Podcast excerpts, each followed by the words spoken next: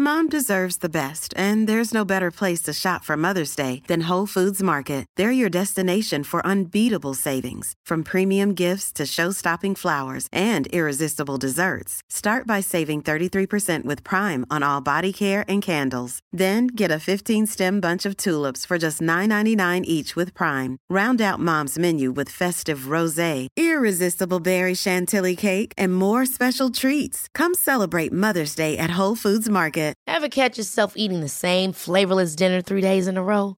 Dreaming of something better? Well, HelloFresh is your guilt-free dream come true, baby. It's me, Kiki Palmer. Let's wake up those taste buds with hot, juicy pecan-crusted chicken or garlic butter shrimp scampi. Mm. Hello Fresh. Stop dreaming of all the delicious possibilities and dig in at HelloFresh.com. Let's get this dinner party started.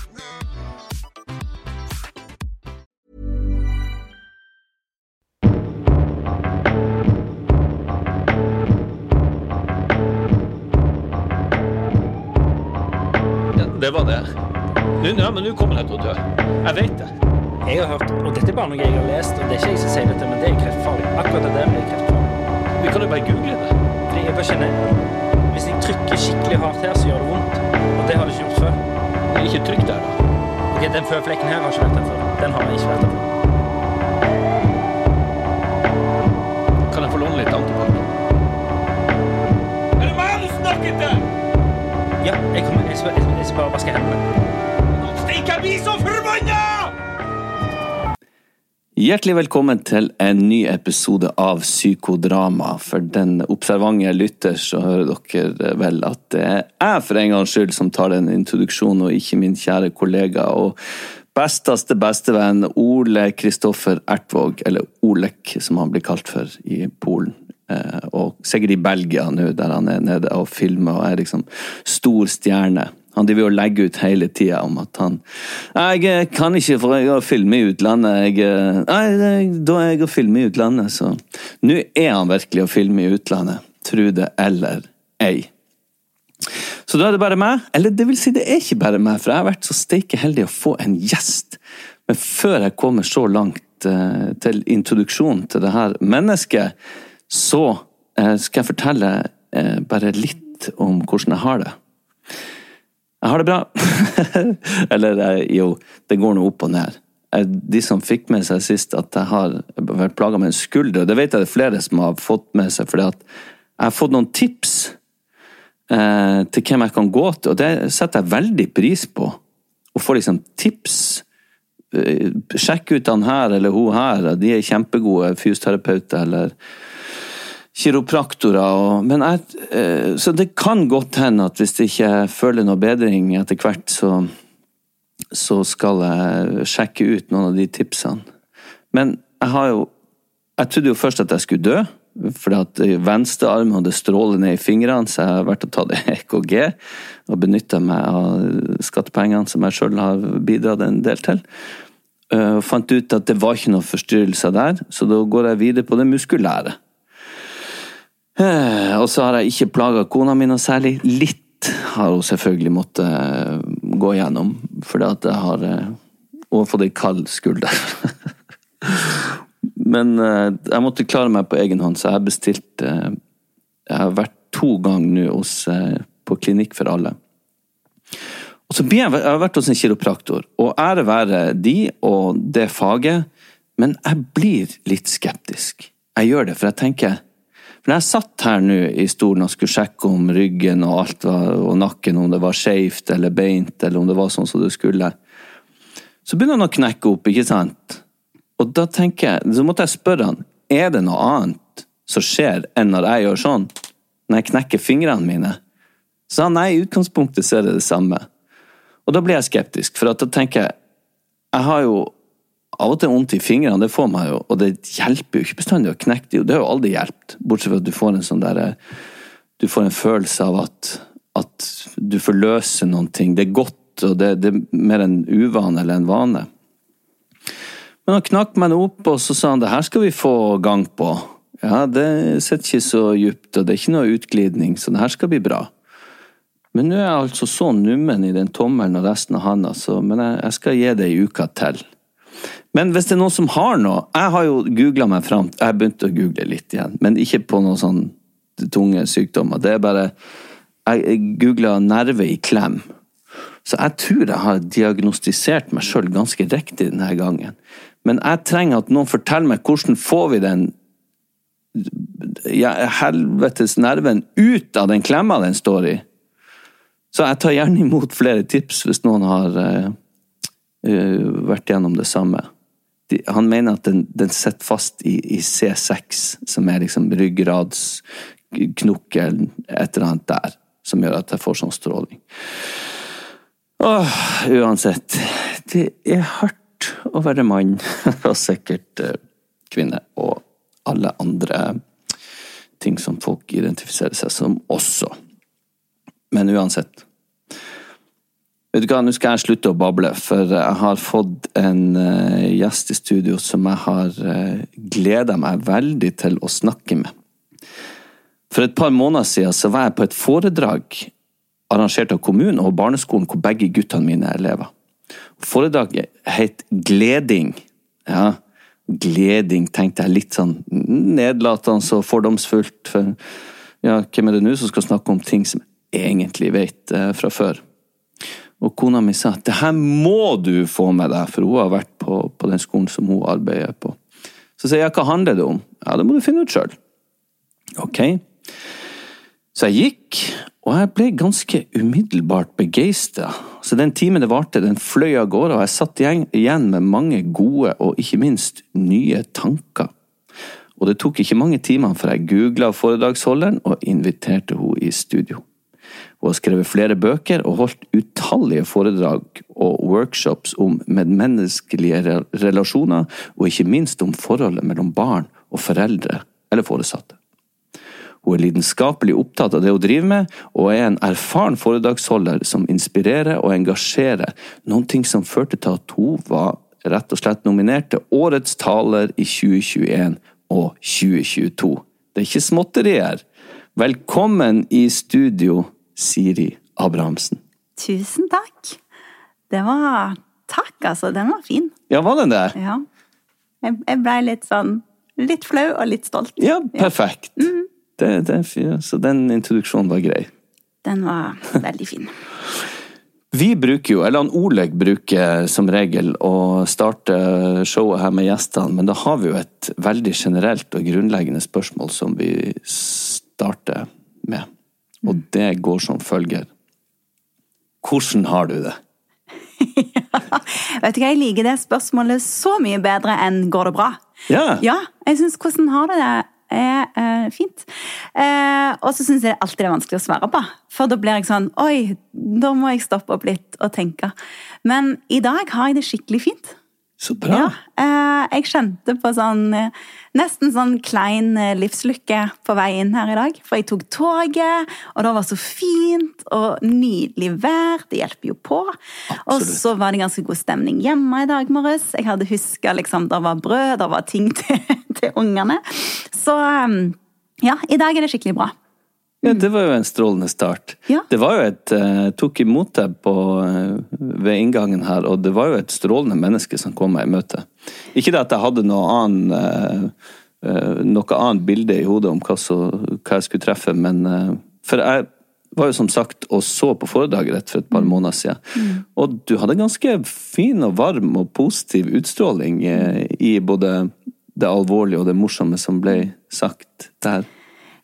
Takk. Altså, jeg, jeg, tenker, vet du hva, jeg skal være helt ærlig og si at i dag jeg kommer faktisk fra min første, aller første psykologtime. Gjør du? Ja, så, så, jeg har gått eh, Jeg går jo veldig sånn raskt fra en følelse til en annen. Eh, så jeg tenker hver Vel, Velkommen hit. Ja. hver dag er jeg innom sånn så Jeg kan være så lykkelig at det framprovoserer avsky hos noen. Altså, jeg kan være skikkelig sånn jeg syns mye i livet er skikkelig fint. Eh, og så er det alltid triste ting.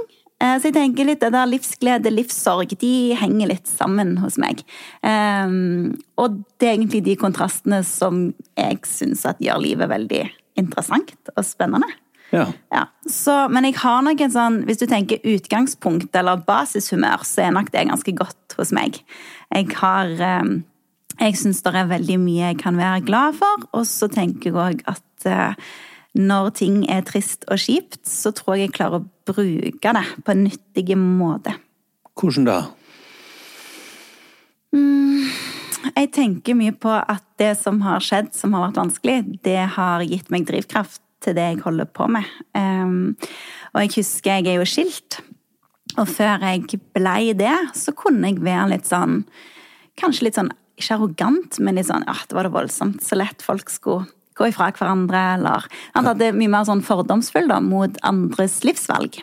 Mens de tingene jeg har opplevd sjøl, så ser jeg ofte at empatien min øker, rausheten min øker. Jeg føler at jeg ja, blir et litt bedre menneske jo når jeg får litt vanskelige ting innimellom. Ja. Så du um, Du har to barn? Tre. Tre barn? Ja. Og er skilt. Ja, det går an, det. Ja, ja, eh, eh, Uten at du skal oppfordre folk til å Ja. å nødvendigvis ta den veien, men eh, det er jo noe som eh, vi har Som er Det er både uttalt og uttalt at, at det er både lettere og bedre, og man er lykkeligere, og det er best for ungene. Hvis man klarer å være, sammen. være sammen. Men det skal man vel ikke for enhver pris? Jeg tror ikke det. Jeg tror eh, Hvis foreldrene har det bra, så tror jeg ungene stort sett har det bra. Så, og det er jeg veldig opptatt av, for det, vi snakker jo om altså det å være i konfliktfylte forhold eller å være i kjærlighetsløse forhold, det merker jo ungene. Uansett hvor mye ord vi setter på det, så er det jo noe med stemninger. Og um, nå er det seks, syv, syv år siden ja, det går litt rundt. Syv år siden eh, vi gikk ifra hverandre, og da hadde vi vært gift i tolv år. Jeg gifta meg jo veldig, veldig ung, da. Ja, Ja. Eh, Men eh, det har, gått, eh, det har gått veldig bra. Nå samarbeider vi jo godt, og det er lite konflikt. Men, men poenget mitt er litt sånn å bruke de tingene i livet som ikke går etter plan A. Se om det går an å bruke det til å øke empatien og til å øke forståelsen for at folk flest gjør så godt de kan. Um, ja, det syns jeg er viktig, da. Og, og at ungene våre gjør så godt de kan. Men livet er ikke så lett å kontrollere og planlegge. Så det handler om å ha det, ha det ok i det vi står i. Ja. Selv når det er kjipt. Ja, altså jeg tror jo at uh, det er litt sånn bittersøtt. Ting, uh, ting er ofte mer enn bare én ting. Uh, så når jeg sto i, i skilsmissen, som var selvfølgelig heftig, så, så kjente jeg allikevel at eh, åh, men vet du hva, dette kommer til å gå greit. Jeg, jeg dør ikke av dette. Eh, og det er noe med å sette ting i perspektiv. Men jeg tror jo vi skal være ærlige med oss sjøl om hvordan vi har det. Det er ikke vits å pakke det inn i masse eh, bomull og, og rosa silkepapir. Altså, Vi må jo si at akkurat nå er det kjipt. Og så plutselig så skjer det noe fint. Ja. Mm. Men hvordan, hvordan tok eh, Kan jeg spørre litt om det Ja, med, det med barna? og sånt? Ja. Mm. For du var ganske åpen om de tingene på, på det foredraget. Og brukte egne eksempler. Noe som gjorde at jeg fikk en større eh, tillit og interesse Mm. for, for det du snakka om. Da. Eh, men hvordan tok Hvor gamle er de? Ja, nå er de 11, 15 og 17. Ja. Ja. Eh, Så han yngste var fire, da, når vi gikk fra hverandre. ja. Ehm, og jeg, altså jeg husker jo det å, å fortelle, de, fortelle det til dem, det var jo kanskje noe av det aller, aller verste uh, ja, øyeblikket jeg kan huske i livet mitt. Um, men jeg, jeg forteller jo den historien om eh, når han yngste skulle legge seg. Og eh, jeg satt og leste bok for ham på kvelden, og så begynner han å grine fordi han savner pappaen sin. Og um, han syntes ikke det var noe gøy med to rom. Så, og så er det jo sånn at når han griner og har det vondt, så får jo jeg det vondt. Heldigvis så funker jo vi mennesker sånn. Um, og så får jeg jo lyst å gjøre en snarvei og på en måte kunne tulle det vekk eller fikse det, eller Men jeg vet jo at jeg ikke kan det. Så, um, så da sier jeg bare ja, selvfølgelig savner du pappaen din. Det, det er jo veldig trist at vi ikke kan bo sammen. Men sånn er det. Men vil du komme inn i, i Vil du legge deg inn i arm, armen min her? Og så ruller, liksom, kryper han inntil, og så legger han seg der, og så griner jeg litt, og så griner han. Og så sier jeg men i morgen tidlig kan vi ringe til pappa på FaceTime. Og så skal du snart få se pappa igjen. Men nå er det bare jeg som er her. Um, og så ligger han inni der, og så griner vi, og så sovner han. sant? Og så våkner han dagen etterpå, og så skal han i barnehagen, og så jeg, nok, jeg har lært, jeg er opptatt av at eh, vi, vi kan bare stå i det som er vondt og vanskelig, uten å prøve å fikse det, eller finne løsninger, eller døyve smerten med alkohol eller sukker, eller hva det måtte være. Sant? Og prøve å, å tenke at vet du hva, til og med en fireåring tåler å ha det vondt. Ja. Ja, Det gjør alle mennesker, hvis vi slipper å tåle det alene. Ikke sant? Det tror jeg er en, det er en veldig fin oppdagelse. Eh, at man ikke nødvendigvis skal være så redd for at, å tenke at de ikke kommer til å klare å stå i det triste og det vonde. Um, jeg hadde nå altså, Ja, jo, eh, litt sammenligning, men eh, jeg har snakka om det tidligere her. Jeg hadde ei mormor som jeg var veldig veldig glad i, som nettopp døde. Og som guttene mine hadde et godt forhold til, og spesielt han eldste. Eh, Men når vi skulle reise opp, så var billettene så dyre. Eh, Så jeg sa jeg, jeg reiser opp i begravelsen, og han eldste han klikka. Men jeg sa liksom jo, nei, men det går fint, det er en del av livet, og jeg tenkte liksom jeg kan ikke bruke 35 000 på hele familien. Nei. Men det måtte jeg. Ja. For han insisterte. Han skulle være med på det. Og det er de best anvendte pengene jeg har brukt. For han fikk virkelig være, gå gjennom den sorgen og ble tatt på alvor i det. Og, og visste at han på en måte trengte å stå i det. Og jeg tror noe annet, eller jeg vet nå i ettertid at noe annet hadde vært eh, å frarøve han en viktig, viktig del av eh, de oppdagelsene i livet.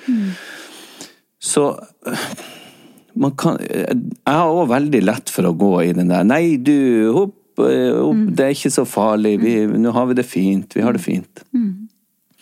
Redd for de store øh, og triste følelsene.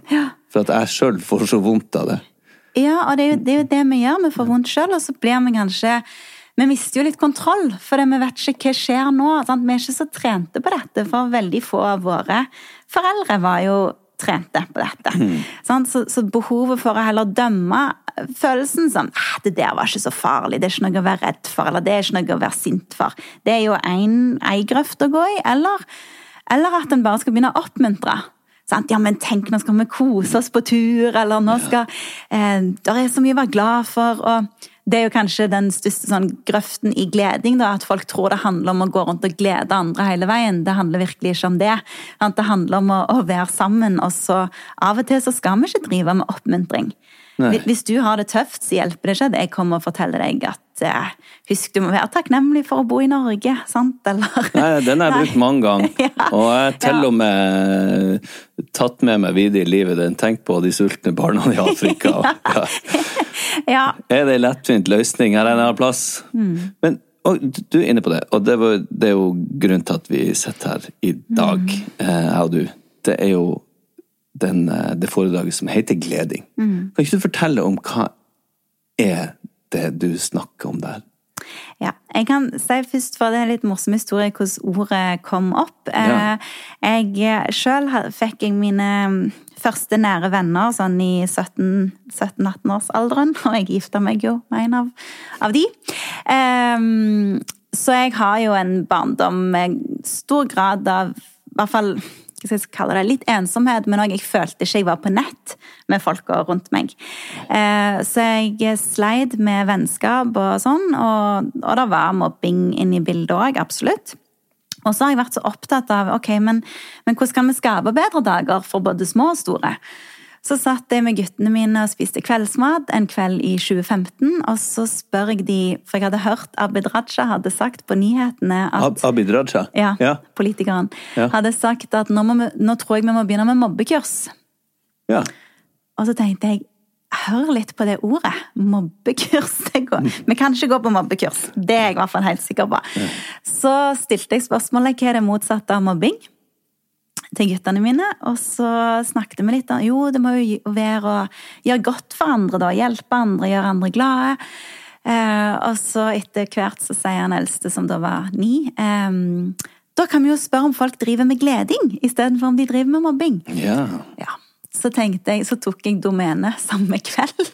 ja, du gjorde det? Ja, jeg syns gleding var et så fint ord. Og Ja. så skrev jeg den første barneboken, så kom den ut eh, bare et halvt år etterpå.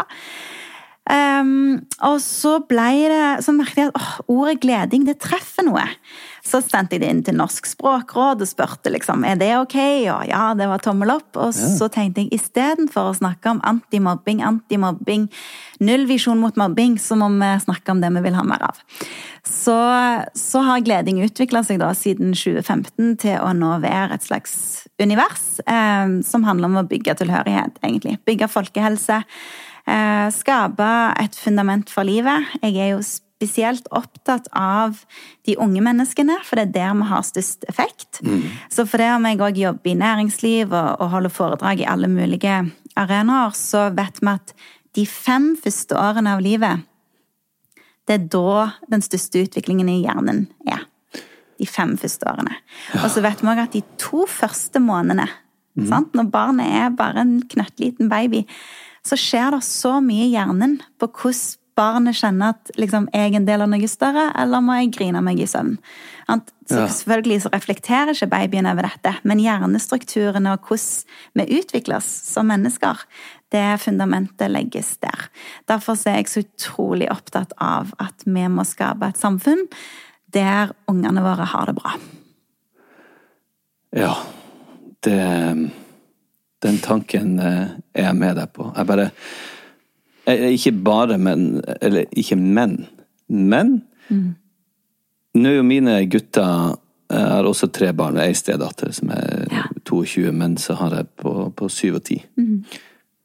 Og jeg føler jeg har gjort så mye feil. Jeg har alltid hatt den liksom, grunnleggende kjærligheten og alltid visst dem det. Og jeg er jo flink på enkelte områder, men jeg, jeg har sett fortsatt med liksom dårlig samvittighet for at jeg klikker når jeg ikke vil ha på seg de og de eh, klærne og ikke spise og alle den unødvendige usikkerheter da, som jeg kanskje har lagt på dem for å være litt for brå, litt for bastant. og Så jeg håper det ikke er for seint, men eh, de, de, de to første månedene hva, hva er det da som er viktig å Det er jo at For det første vil jeg bare si at det er ikke for seint, Per. Nei, nei, det er bra, aldri for seint, så det, må vi, det, må, det er viktig å få ut. Eh, Men eh, de to første altså, da handler det, altså, Dette skjer jo allerede når babyen er i magen. Mm. At babyen merker stress, stresset til mor osv. Så eh, sånn at det å ta godt vare på de som er gravide, er jo en god idé.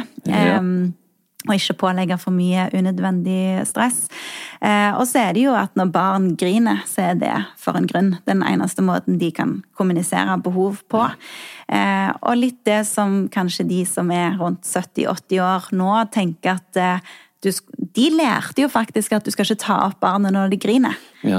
Du må ikke, du må ikke skjemme dem bort med kjærlighet. Det var jo en, en idé de hadde, Mm. som jo ikke er bra. ja, Det er de som sitter og krangler på, på Facebook nå. Ja, ikke sant? For de syns at vi har blitt så skjøre, og vi har blitt sånn og sånn. Og så vet vi at angst og depresjon og psykiske lidelser er estimert av WHO og FN å være mest dominerende i sykdomsbildet innen 2030. Sånn at alle de som sier ja, men det har jo blitt folk av oss, det har jo gått bra. Det er sånn, har det egentlig det? Ja, har det egentlig det? Eh, Men, men jeg er òg opptatt av at eh, reparasjon altså Det er veldig mye vi kan gjøre seinere, men, men det å vite at når et barn griner, så er ikke det for å manipulere deg. Det er ikke for å prøve å utnytte deg. Barn er ikke så avanserte ennå i hjernen at de driver med sånt.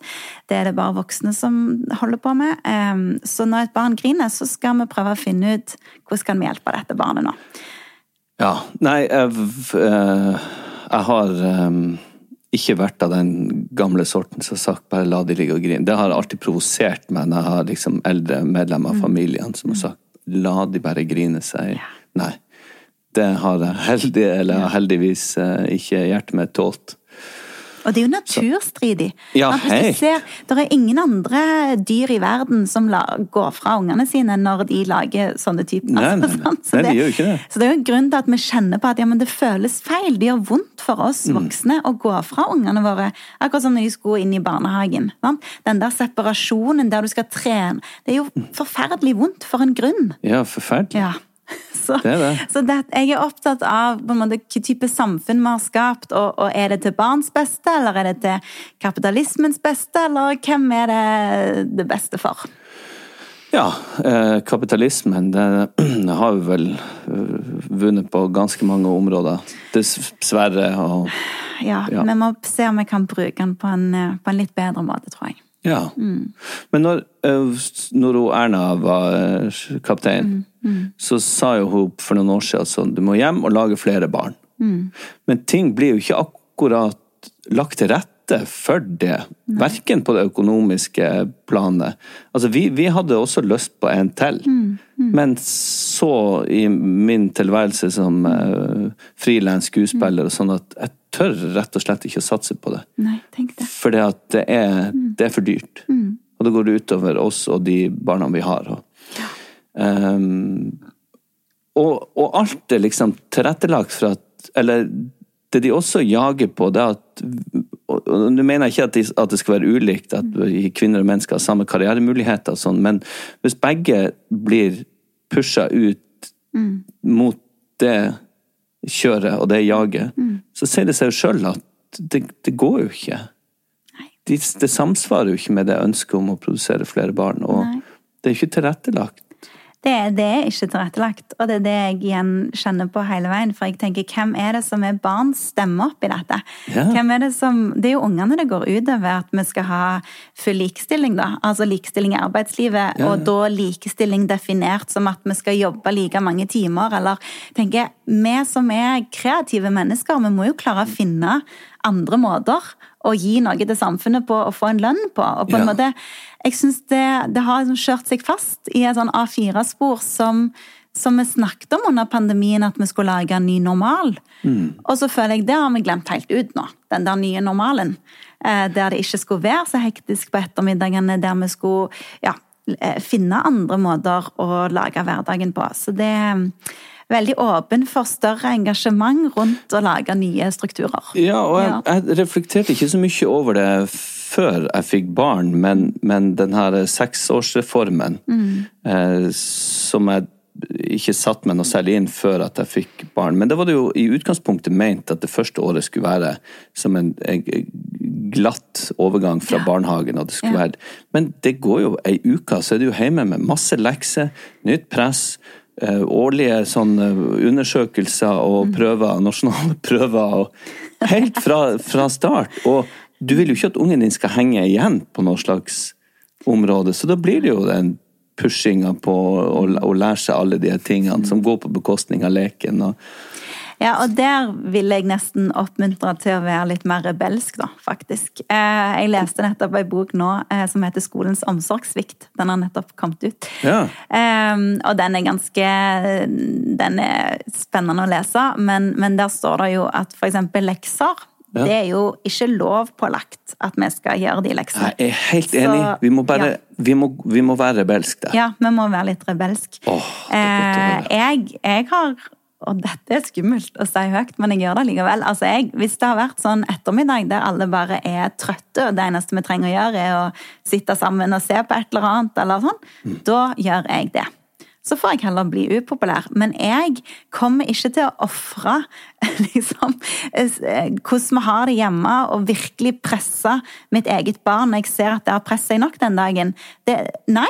Nei, jeg er helt enig, og det syns jeg er veldig deilig å høre, faktisk. For det tar litt, selv om vi nå kanskje er bare to, så tar det litt av det, det presset. For at jeg kjenner at det er ikke bestandig verdt den kampen og den stemninga det blir. For det går på bekostning av eh, både trygghet, og det forplantes utover hele kvelden og gjerne dagen etterpå. Når det har vært på skolen, og det, på SFO og sånt, så er det jo opptil ni timer med opplegg for en unge. Ja. Og så skal du komme hjem og så sitte i et par timer med, med Nei. Nei, vet du hva. Det, Altså, det, sånn skal det ikke være. Og, Nei, det- og jeg tenker at der må vi faktisk som voksne foreldre og foresatte tenke sjøl. Så- Det er lov å tenke sjøl. Så er det alltid noen sånne irriterende foreldre som syns syns det er for lite lekser. Ja. Og de, til de Ja. har jeg et veldig klart budskap. De kan jo bare kjøre på, de, hvis de har lyst. De kan jo kjøpe ekstra bøker og holde på, men ikke tvinge det på oss andre. Sånn, altså, det er noe med at eh, Ja, og da lurer jeg på, hvis du ikke syns det er for mye lekser, eh, da blir jeg nysgjerrig på hva det egentlig handler om. For jeg tenker det er en eller annen frykt i en del voksne om at mitt barn ikke skal være godt nok. Ja. Sant? Skal, eller at vi skal vise våre egne prestasjoner gjennom våre egne barn. Da. Sant? At det vi ikke har fått anerkjennelse på sjøl, det skal vi gi til neste generasjon. Det blir jo Ja, jeg, jeg, jeg tenker vi må stille oss sjøl spørsmålet hva er egentlig det viktigste nå? Hva trenger barnet mitt? Hva er eh, hva er resultatet, eller hva er konsekvensen av det valget kontra det valget? Altså Hvis barnet ditt går i fjerde, femte, sjette klasse og, og venter med den leksa til dagen etterpå, eller hopper over den, vet du hva, eh, ja, det går fint. Ja, jeg tror det. Ja. Det var egentlig litt godt å få det ut, skjønte Det var egentlig veldig godt å få det inn.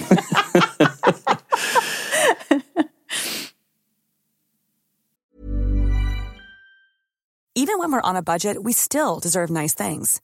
Quince is a place to scoop up stunning high-end goods for 50 to 80% less than similar brands. They have buttery soft cashmere sweaters starting at $50, luxurious Italian leather bags, and so much more. Plus, Quince only works with factories that use safe, ethical, and responsible manufacturing. Get the high-end goods you'll love without the high price tag with Quince. Go to quince.com slash style for free shipping and 365-day returns. Hey, it's Ryan Reynolds, and I'm here with Keith, co star of my upcoming film, If, only in theaters, May 17th. Do you want to tell people the big news? All right, I'll do it. Sign up now and you'll get unlimited for $15 a month and six months of Paramount Plus Essential Plan on us. Mintmobile.com slash switch. Upfront payment of $45 equivalent to $15 per month. Unlimited over 40 gigabytes per month. Face lower speeds. Videos at 480p. Active Mint customers by 531.24 get six months of Paramount Plus Essential Plan. Auto renews after six months. Offer ends May 31st, 2024. Separate Paramount Plus registration required. Terms and conditions apply if rated PG. Mom deserves the best, and there's no better place to shop for Mother's Day than Whole Foods Market. They're your destination for unbeatable savings, from premium gifts to show-stopping flowers and irresistible desserts. Start by saving 33% with Prime on all body care and candles. Then get a 15-stem bunch of tulips for just $9.99 each with Prime. Round out Mom's menu with festive rosé, irresistible berry chantilly cake, and more special treats. Come celebrate Mother's Day at Whole Foods Market.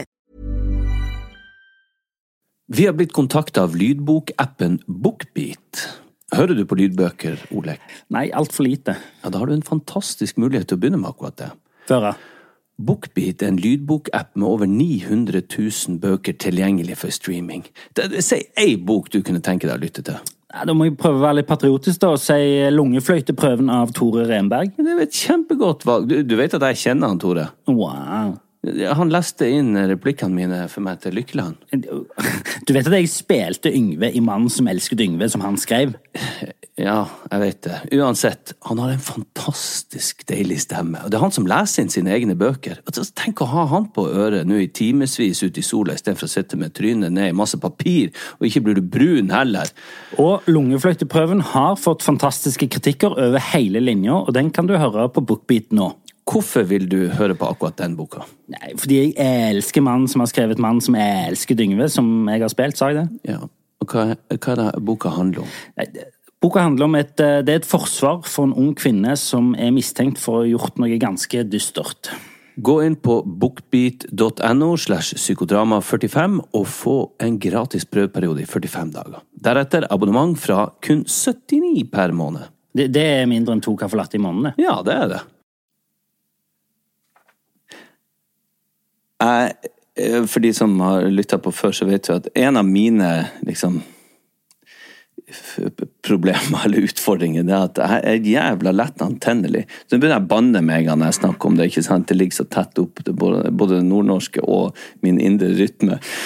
Eh, jeg er veldig kjapp til å bli sint og frustrert. Jeg er veldig god for å si unnskyld etterpå, så det veier opp til en viss grad, føler jeg. Men eh, Det er også igjen bare for min egen samvittighets skyld. Mm.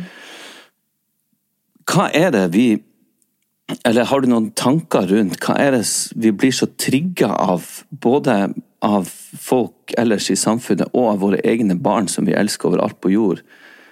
Hva, eh, hvordan skal vi takle den, den irritasjonen og det Ja.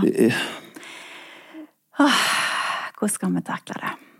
Eh, jeg har jo tre sønner òg, så jeg tenker veldig på, på hvordan jeg prøver å gi de verktøyene for å, å tåle alt som livet kommer med. Um, jeg tror jo veldig på selvinnsikt. Det å være nysgjerrig på seg sjøl og hvor en kommer fra. Hvordan du hvordan du da kanskje, uten at jeg kjenner deg, blir av og til liksom per ti år. Ja, og Ja. Eh, ikke, ikke alltid så gammel Nei, heller. fem år òg, sant. At vi har det der, eh, og det høres så klisjéaktig ut, men at vi har det der barnet i oss. Og, um, og det å prøve å finne ut ok, hvordan følte jeg meg da når jeg ble avvist, når jeg ble Når mine foreldre var kjempesinte på meg. Var, hvordan var det å være meg da?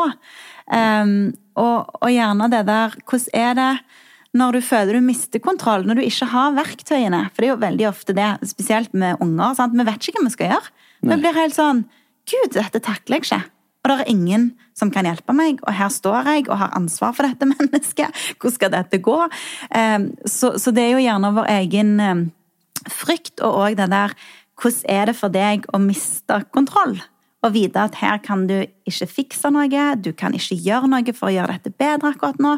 Det bare er dritt. Eller, ja. Eh, Så det første er jo innsikten. Du må jo begynne med, med refleksjonsgraden og det å forstå deg sjøl.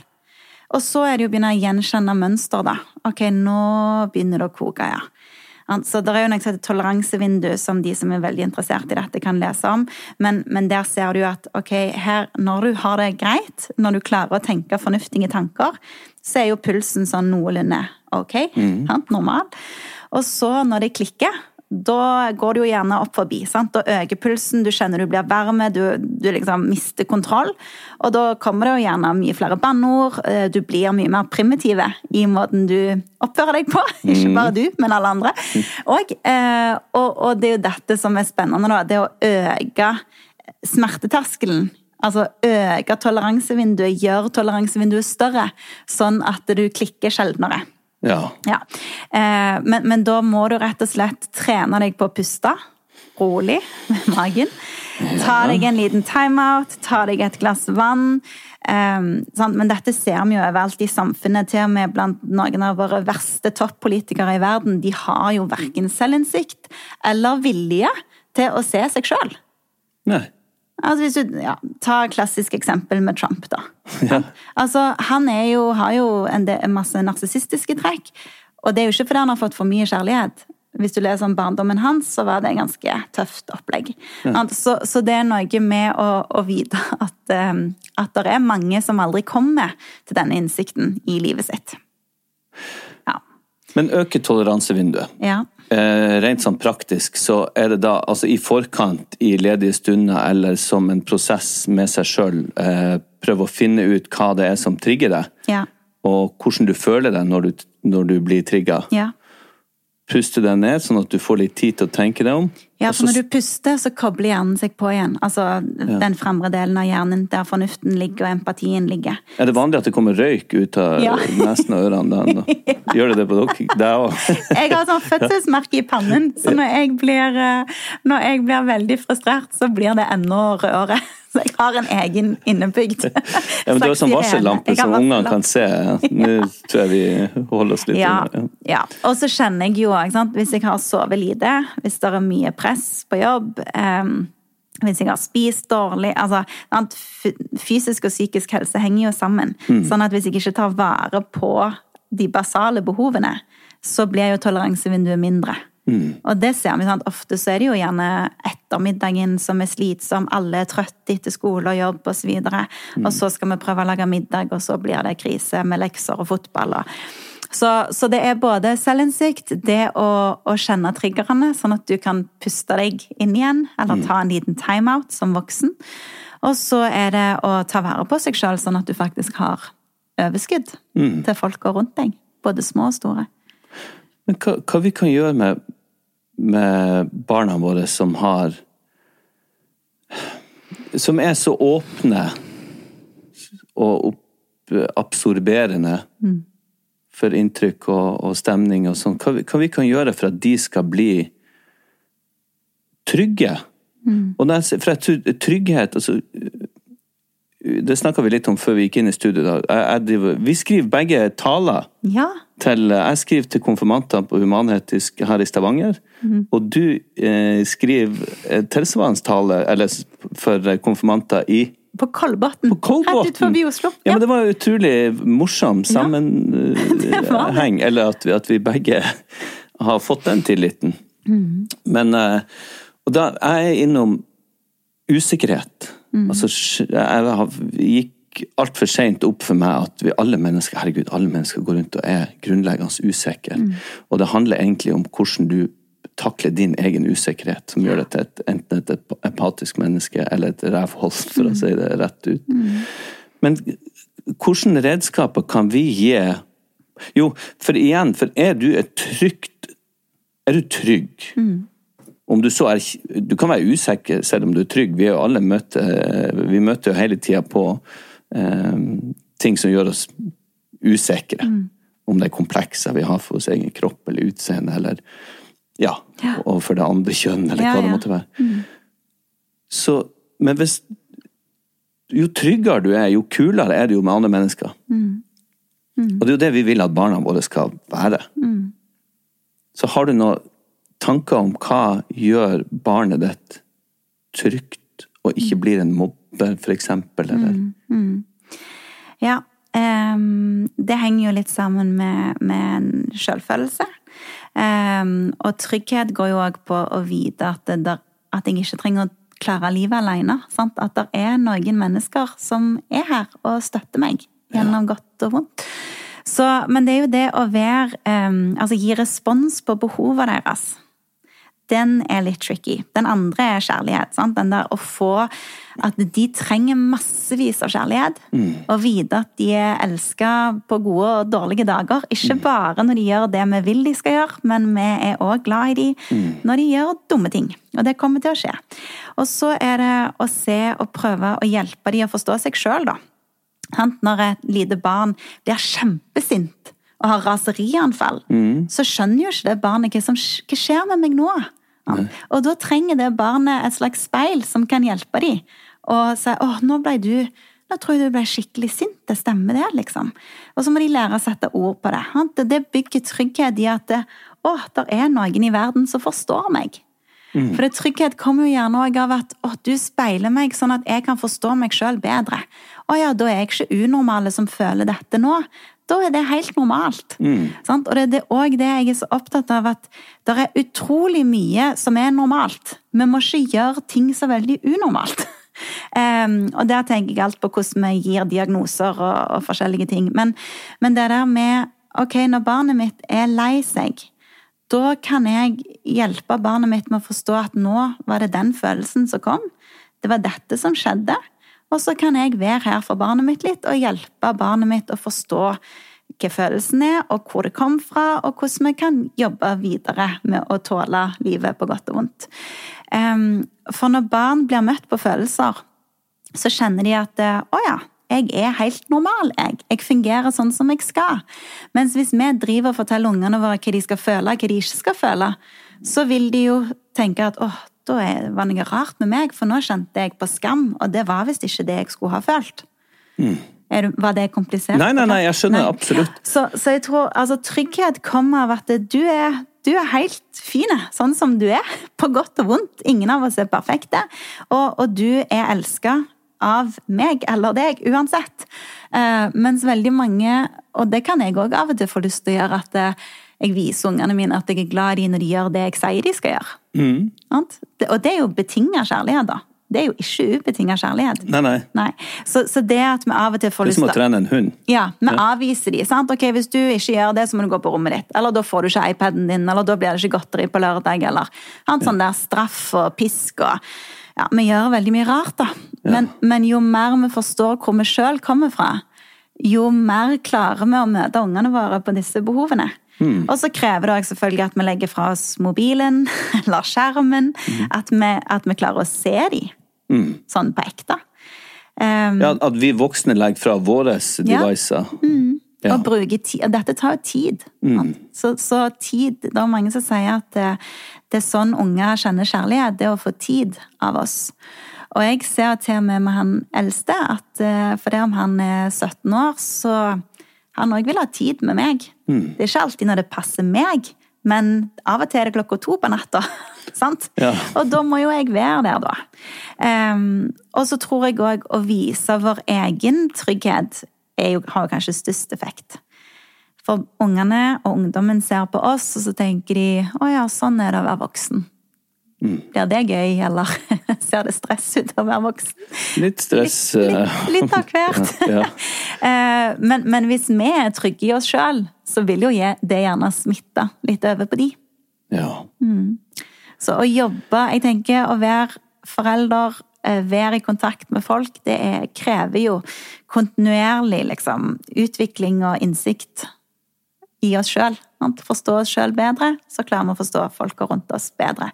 Og da blir vi tryggere, alle sammen. Har du klikka på dine barn? Ja, selvfølgelig. Ja. Hva, hva, hva gjør du eh, da? I, i, I klikkingen, eller? Ja, ja, ja gjerne det òg. Ja. Hva, hva kan skje?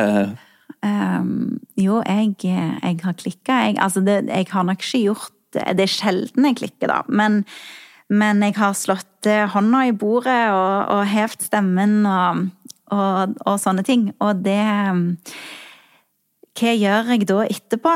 Da forteller jeg jo hva som skjedde nå med meg. Ja. Og hva de fikk meg til å Altså hva situasjonen gjorde med meg, og hva jeg følte.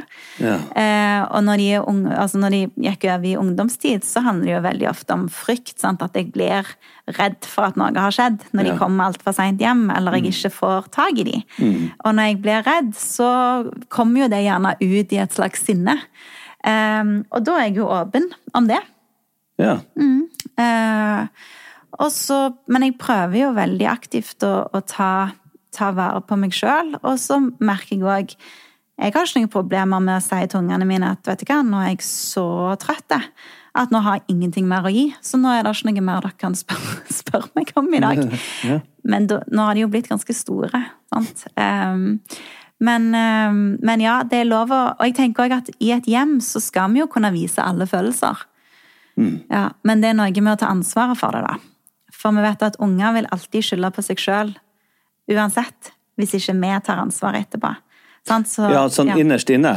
For de gjør jo ikke det der og da. Nei. Mm. Da ser de sånn Det var du, eller det var han eller hun som fikk meg til å Ja. Ja. Men inni vil de kjenne at eh, uff, ja, jeg er ikke bra nok, eller ja. Ja, ikke sant. Det tror jeg er veldig viktig å huske på Mm. når du skal ha en inngang til å prøve å forstå det sammen med dem, hva det var Mm. som skjedde.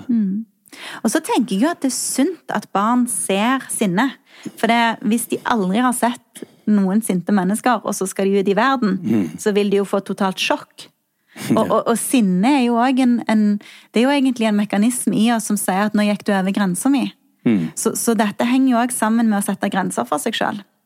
Og jeg kan si eh, For det om han, eh, de store guttene mine gjerne kan si ja, men jeg, jeg trenger ikke så mye søvn. Jeg kan være oppe lenger. Så sier jeg det hører jeg, men jeg trenger å sove. Og jeg får ikke sove før du har kommet hjem. Ja. Derfor så må du komme hjem klokka tolv. Ja. Det er min grense det handler om. Ikke Ja. at de ikke tåler det, men jeg trenger å sette grenser for meg sjøl. Og det tror jeg som voksen så vil vi se at det, eh, den måten å kommunisere på funker bedre enn å si at du trenger søvn. Sant? Å si til en 17-åring at du Ja, trenger ja. søvn, det funker ikke så bra. Nei, men der var et, et nytt et, eh, Enda et godt tips. Mm. For de må også forstå at de har det ansvaret for Ja. andre mennesker. Ja, og jeg er sånn, hvorfor skal jeg rydde etter middagen hver Altså, hvorfor er det min rolle i et hjem der de går på skole, jeg går på jobb? Altså, vi må jo stå på alle sammen. Og da kan jeg jo si ja, men grensa mi går her. Sant? Og hvis de aldri hjelper meg hjemme, så blir jeg jo sint. Men det er jo fordi at grensene mine blir tråkka på. da. Så, så det å gå, ikke tenke på sinne som en uting, Men mer som at ok, nå sier hele systemet mitt ifra om at her går grensa mi.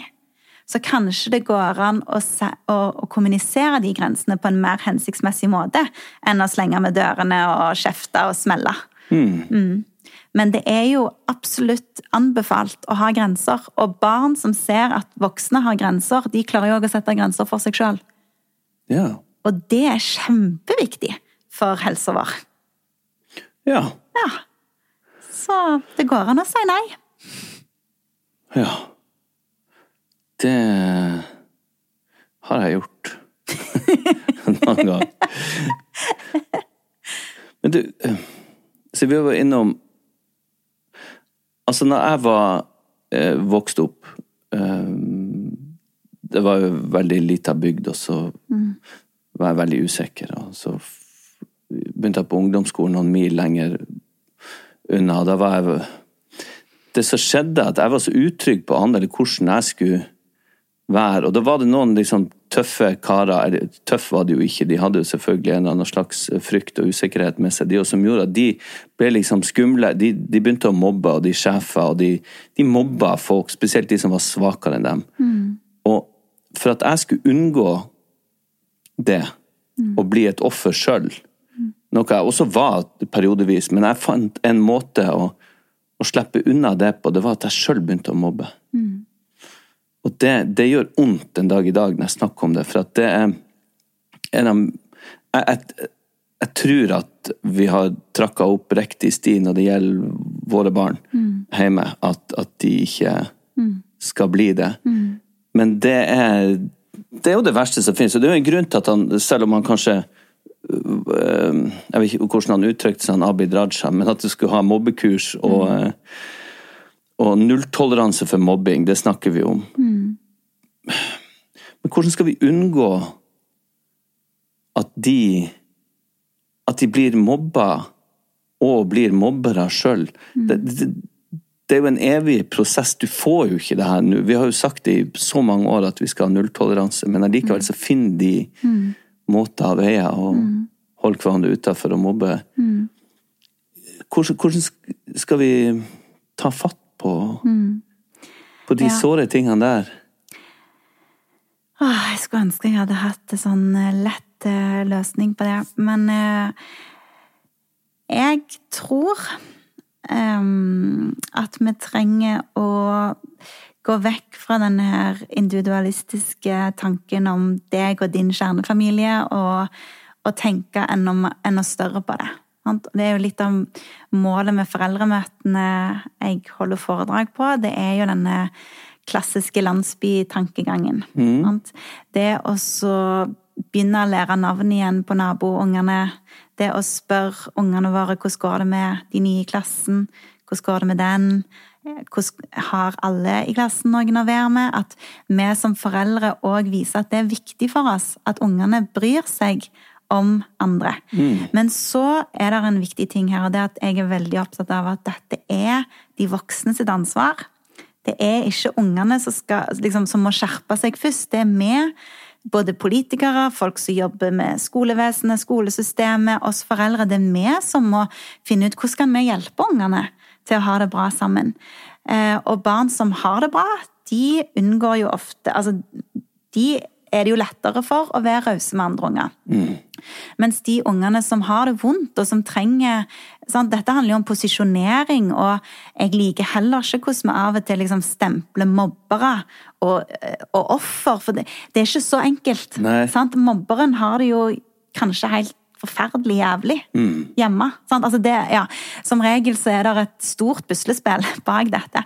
Um, men, men jeg tror veldig på at vi må tenke samfunn. Vi må tenke hvordan støtter vi foreldre som, som eh, kanskje er helt nye i bygda.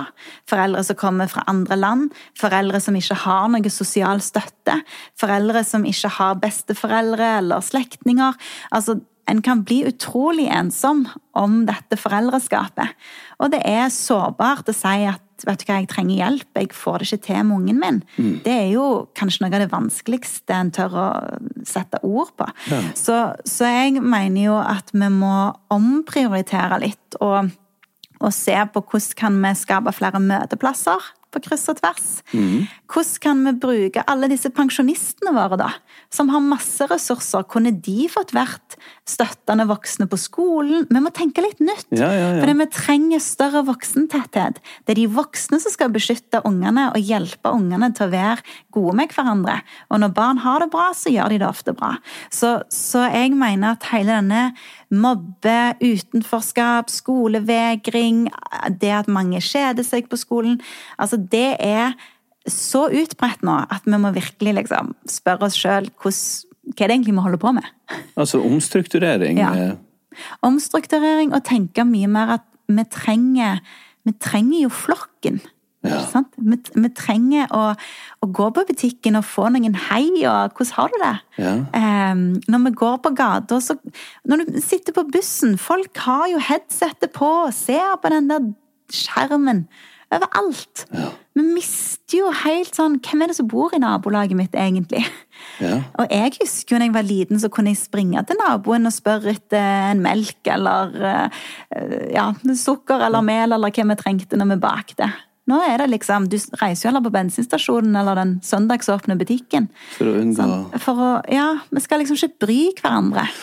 Og det jeg tror vi gjør veldig galt i det. Ja, det er, litt, det er litt trist, det, altså. For jeg savner det, jeg òg. Jeg blir helt sjokkert hvis at jeg Jeg er jo en imøtekommende person, eh, selv om jeg også er for mye i mitt eget, eh, om det er på lydbok eller på skjermen eller eh, Men når, når det er andre som ikke eh, gjengjelder hilsen Jeg blir irritert hvis jeg slipper noen forbi i trafikken, og så gir de meg ikke et lite vink eller litt. Ja, Faen, come on! Ja. Vær nå litt sånn ja, Vær nå litt Ja. kul. ja. Eh, men jeg tenkte på det at hvordan man kan utnytte nå Vi snakka i mange år om eldrebølgen, og sånn. Folk blir eldre og eldre, og de sitter jo med uante ressurser. Rundt omkring, og blir, for at verden skal videre. Vi skal videre, videre, videre. Både med teknologi og alt det som skjer. Det er så stor fart på alt. Ja. Det er så voldsomme bevegelser. Så de eldre blir jo liksom bare Nei, nå er vi ferdig i arbeidslivet, og sånn. Når kan vi få de på gamlehjem, og sånn, så vi kan slippe å Ja, det er veldig trist. Og så tenkte jeg på det at altså, kona mi har vært sånn eh, Hva det heter gjennom Røde Kors sånn Besøks... Ja, besøksvenn. Ja. Og da har hun hatt kjempeglede, og det vet jeg de eldre, spesielt de karene som hun har hatt, også har satt veldig stor pris på. Og de sitter jo med en ufattelig mange både individuelle og altså, historier om livet og erfaring og sånn. Så jeg syns jo det var en ganske god idé. Nei, helt topp. Og, og om det kunne vært besøksvenn motsatt, Ja. nå er det jo ulike årsaker at man ser på gamlehjem, men at man ikke nødvendigvis Nei, men ha noe mer til fellesskap enn bare sine kanskje barnebarn. Men der har de gjort en, en del studier som er ganske Jeg husker spesielt en fra Australia, der de setter barnehage og eldrehjem på samme område. Gjør de det? Ja, ja, og det har positiv helseeffekt både hos de eldre og de yngre. Ja, det er jo nydelig. Sånn? Og, og det, jeg tenker alle Den der sangen om eh, bestefar i livet sant? Altså, eh, Vi trenger å komme mer sammen på kryss og tvers av generasjoner. Og jeg tenker alle ungdommene som er så engstelige sant? for hvordan skal dette livet gå? Og Så har du kanskje en mann på, eller ei dame på 80 som forteller at vet du hva, det bekymrer jeg meg òg for. Det gikk fint. Ja, sant. Altså, noe med å høre livshistorier og ja, jeg, jeg tror veldig på det å skape sånne møteplasser. Istedenfor at vi skal være ungdomsklubb der, og så skal de mellom 20 og 40 være der. Og så, det er jo helt tullete. Ja, det der likte jeg veldig godt. Og apropos Australia, jeg blir litt mobba fra han, eh, han kompanjongen min her for at jeg alltid går innom Da jeg bodde i Australia. Ja. At, eh, men jeg gjorde nå det en liten periode, og der var det en kultur for Om du satt deg ved siden av noen på bussen, det er jo nå 20 år siden, så det var jo litt før det tok flatt av med skjerm og sånn. Ja. Men så er det en vanlig eh, dagligdags høflighet å spørre liksom How are you? Ja. Hvordan har du det? Med Du kan enten svare eh, bra, takk, som spør, eller du kan virkelig fortelle hvordan du har det. Og den personen som har spurt, lytter til deg. Ja. Så bare på bussen med et helt fremmed menneske, så kunne man ha en Det var jo en sånn icebreaker for en, en samtale. ja. Og det tok jeg Prøvde jeg liksom å ta med meg tilbake til Norge. Men ble jo straks sett på som en tulling. For at jeg spurte noen tilfeldig på bussen om hvordan de hadde det. Og det syns jeg var litt synd. Jeg skulle gjerne hatt mer av den eh, eh, kulturen Ja. hvor det går på kryss og tvers av både alder og kjønn. Og liksom, hei. Jeg husker en gang jeg sto, det var et sånn fantastisk fint øyeblikk. Jeg sto på, eh, på togstasjonen på Central Station midt i Sydney. Og så bare åpna himmelen seg, og det fossa ned.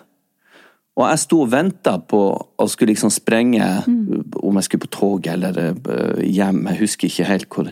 Jeg skulle over veien, i hvert fall, og, og sto og venta på at det skulle gis. Så kommer det en eh, person sprengende mot meg med en paraply, og så sa han liksom oh, 'Sorry, I didn't see you'.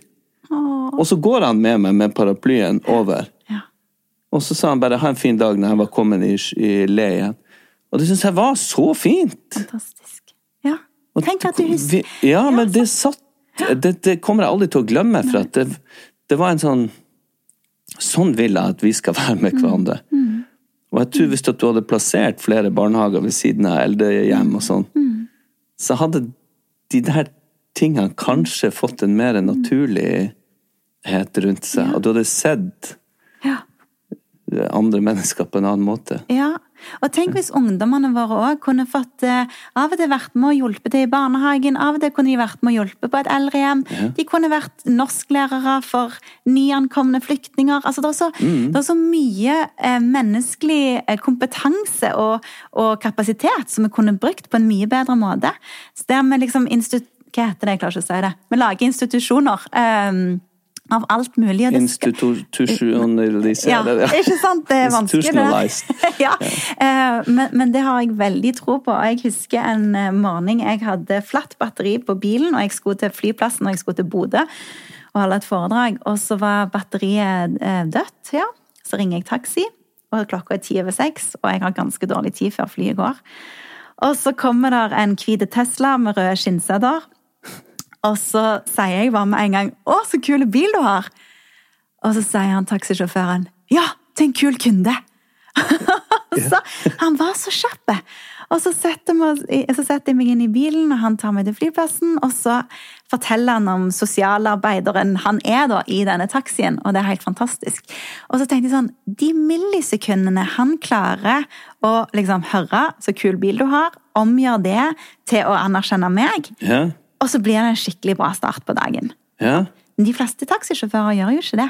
Nei. Det er liksom øh, ja, så, ganske sånn nedpå. Og jeg tror at sant, han som med paraplyen og alle disse eksemplene, det, det viser hvor lite som skal til, da. ja. Eh, og, og ofte så tror jeg vi tenker at det er for klisjé, eller det er så selvsagt. Invaderende. Ja, eller at vi bare hopper over det. For vi tenker vi skal ikke blande oss. Men, men det er jo ofte der vi kanskje blander oss, da, at det blir de gode historiene. Og, og at vi kjenner at vi er en del av et fellesskap, og at folk er gode, vennlige mennesker. Og, og det er egentlig det for, gleding er for meg. da. Det handler om å skape de øyeblikkene. For vi vet at, at de der mikromøtene mellom mennesker, de bygger helsa vår Altså det er det som påvirker helsa vår i stor, stor grad. Enda mer enn om du røyker eller ikke. Det å kjenne at du er en del av et fellesskap, det kommer ut som nummer én i hvor lenge vi lever, og i hvordan vi opplever livskvalitet. Så det der både de nære relasjonene, som vi jo har snakket en del om, men òg de der på butikken, på bussen, på flyet, eh, på gata. Det er mye viktigere enn hva folk tror. Ja, så et eh, oppfordring, oppfordring til lytterne, altså se hei til meg vær grei med meg, så kan jeg fortsette å ta meg en festrøyk i ny og ne. Ja. ja, det var òg en Sånn kan du si det. Ja. Ja Du, altså, jeg, jeg, jeg merka jo det ganske umiddelbart når jeg var på det foredraget, at eh, du har en, en god påvirkningskraft på folk og på meg. Eh, positiv. Eh, som jeg hadde Ja, som jeg som sagt har gleda meg til å prate med. Og du har skrevet fem bøker, er det? Ja. Ja. Ja, det er såpass mange at du, kom, at du må tenke på det. Ja, jeg må tenke litt, for jeg har vært med på noen. og- Ja. Mm. Og så driver du en egen podkast. ja. Mm. Hva den heter Gleding. Den heter Gleding. Det er så enkelt. Ja, det er enkelt, og gleding er jo et ord som uh, burde feste seg, for at uh, jeg kan i hvert fall anbefale å gå og høre på deg eh, når, du, når, du, snakker, og gjerne hvis du holder på med workshop. Og eh, jeg gleder meg til å, gleder meg til å, å, se hva du har skrevet, for jeg har ikke lest det ennå. Men eh, det fikk jeg lyst til nå.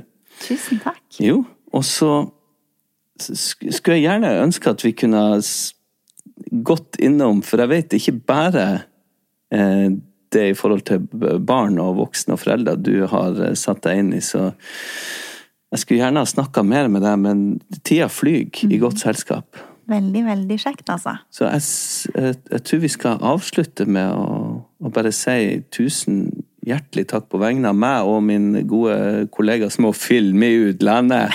Ja. Og si tusen takk for at du ville komme, og så keep up the good work. Tusen takk, og takk for at dere gjør dette. Jeg tenker Det er så viktig å få ut samtaler om disse tingene. Ja, så bra. Nå sa du noe fint til meg som fikk meg til å føle meg bedre. Nå skal jeg gå og ta meg et glass vin og en sigarett.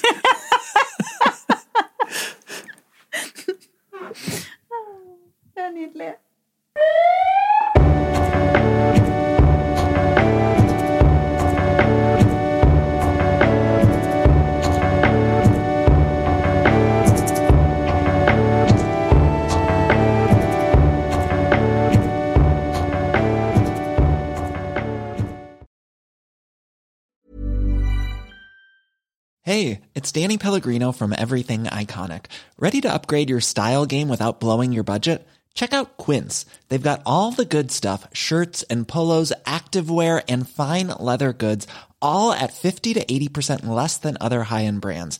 And the best part? They're all about safe, ethical, and responsible manufacturing. Get that luxury vibe without the luxury price tag. Hit up quince.com slash upgrade for free shipping and 365 day returns on your next order. That's quince.com slash upgrade. Mom deserves the best, and there's no better place to shop for Mother's Day than Whole Foods Market. They're your destination for unbeatable savings, from premium gifts to show-stopping flowers and irresistible desserts. Start by saving 33% with Prime on all body care and candles. Then get a 15-stem bunch of tulips for just $9.99 each with Prime. Round out Mom's menu with festive rosé, irresistible berry chantilly cake, and more special treats. Come celebrate Mother's Day at Whole Foods Market. Planning for your next trip? Elevate your travel style with Quince. Quince has all the jet setting essentials you'll want for your next getaway, like European linen, premium luggage options, buttery soft Italian leather bags, and so much more. And is all priced at 50 to 80% less than similar brands. Plus, Quince only works with factories that use safe and ethical manufacturing practices. Pack your bags with high-quality essentials you'll be wearing for vacations to come with Quince. Go to quince.com slash pack for free shipping and 365-day returns.